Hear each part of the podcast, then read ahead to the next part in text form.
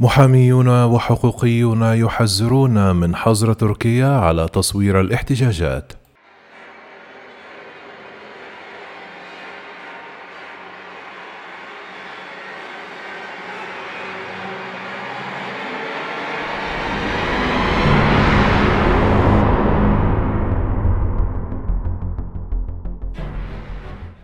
أصدرت المديرية العامة للأمن التركية التابعة لوزارة الداخلية تعميما يمنع المواطنين من تصوير أو تسجيل ضباط الشرطة أثناء المظاهرات. وجاء التعميم الذي كشفت عنه جمعية المحامين التقدميين قبل احتفالات 1 مايو بيوم العمل والتضامن في جميع أنحاء البلاد هذا العام وذلك بسبب الإغلاق الوبائي.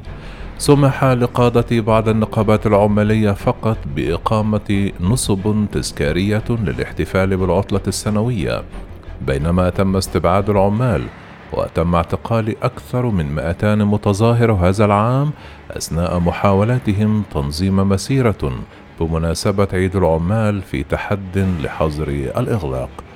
ويهدف التعميم إلى حماية خصوصية مسؤولي الأمن.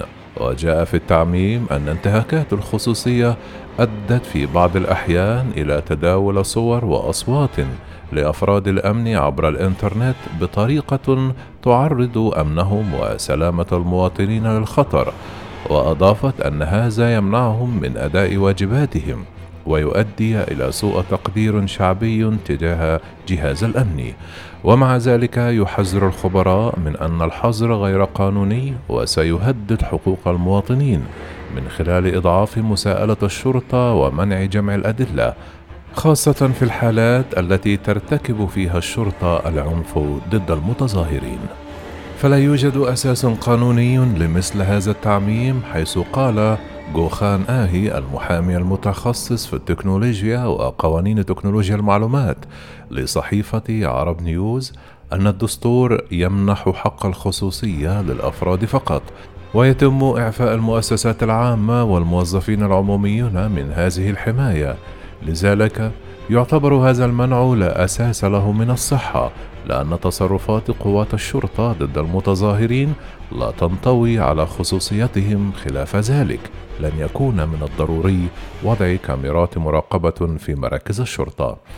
لاحظ الفقه القضائي حتى الآن أن الموظفين العموميين لا يمكنهم التمتع ببنود الخصوصية فيما يتعلق بالأفعال التي يرتكبونها في الأماكن العامة ويجب على كل مسؤول حكومي التصرف بشكل قانوني عندما يؤدون واجباتهم ويمكن لأي شخص تسجيل هذه الأعمال وأضاف هي أن تسجل مثل هذه الأفعال يساعد السلطات عادة في تحديد السلوك غير القانوني ويوفر أدلة قوية وآلية مراقبة فعلية للسلطات القضائية لا سيما في حالات التعذيب وسوء المعاملة. وقال تم محو أعداد الخوذات الخاصة بشرطة مكافحة الشغب مؤخرا بينما تستخدم السلطات عددا متزايدا من الشرطة المدنية للتدخل في الحركات الاجتماعية مما يغذي عدم المساءلة عن سوء المعاملة من قبل قوات الشرطة أثناء الخدمة.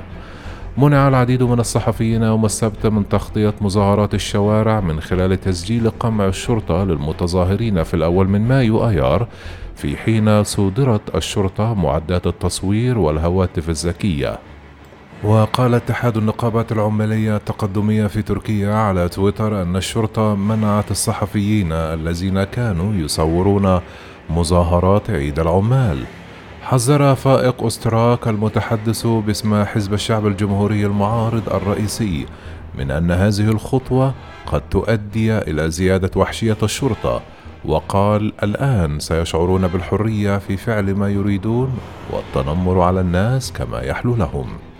خلال احتجاجات حديقة غيزي المناهضة للحكومة في عام 2013 حيث قمعت الشرطة التركية المتظاهرين بالغاز المسيل للدموع وخراطيم المياه ومات آنذاك 11 شخصا وأصيب أكثر من ثمانية آلاف بشكل منفصل. وقررت الحكومة الدستورية التركية في التاسع والعشرون من إبريل أن هناك انتهاك للحقوق عندما رفضت الدولة الإذن بمحاكمة ضباط الشرطة المتورطين في إصابة أحد المتظاهرين خلال احتجاجات حديقة جيزي فقد أردال ساريكياي إحدى عينيه أثناء الاحتجاجات عندما أصابت عبوة غاز مسيل للدموع أطلقتها الشرطة بوجهه لكنه لم يستطيع مقاضاة الحكومة على إصابته. الآن ستبدأ محاكمة ضباط الشرطة المتورطين بعد ثمانية سنوات من الحادث.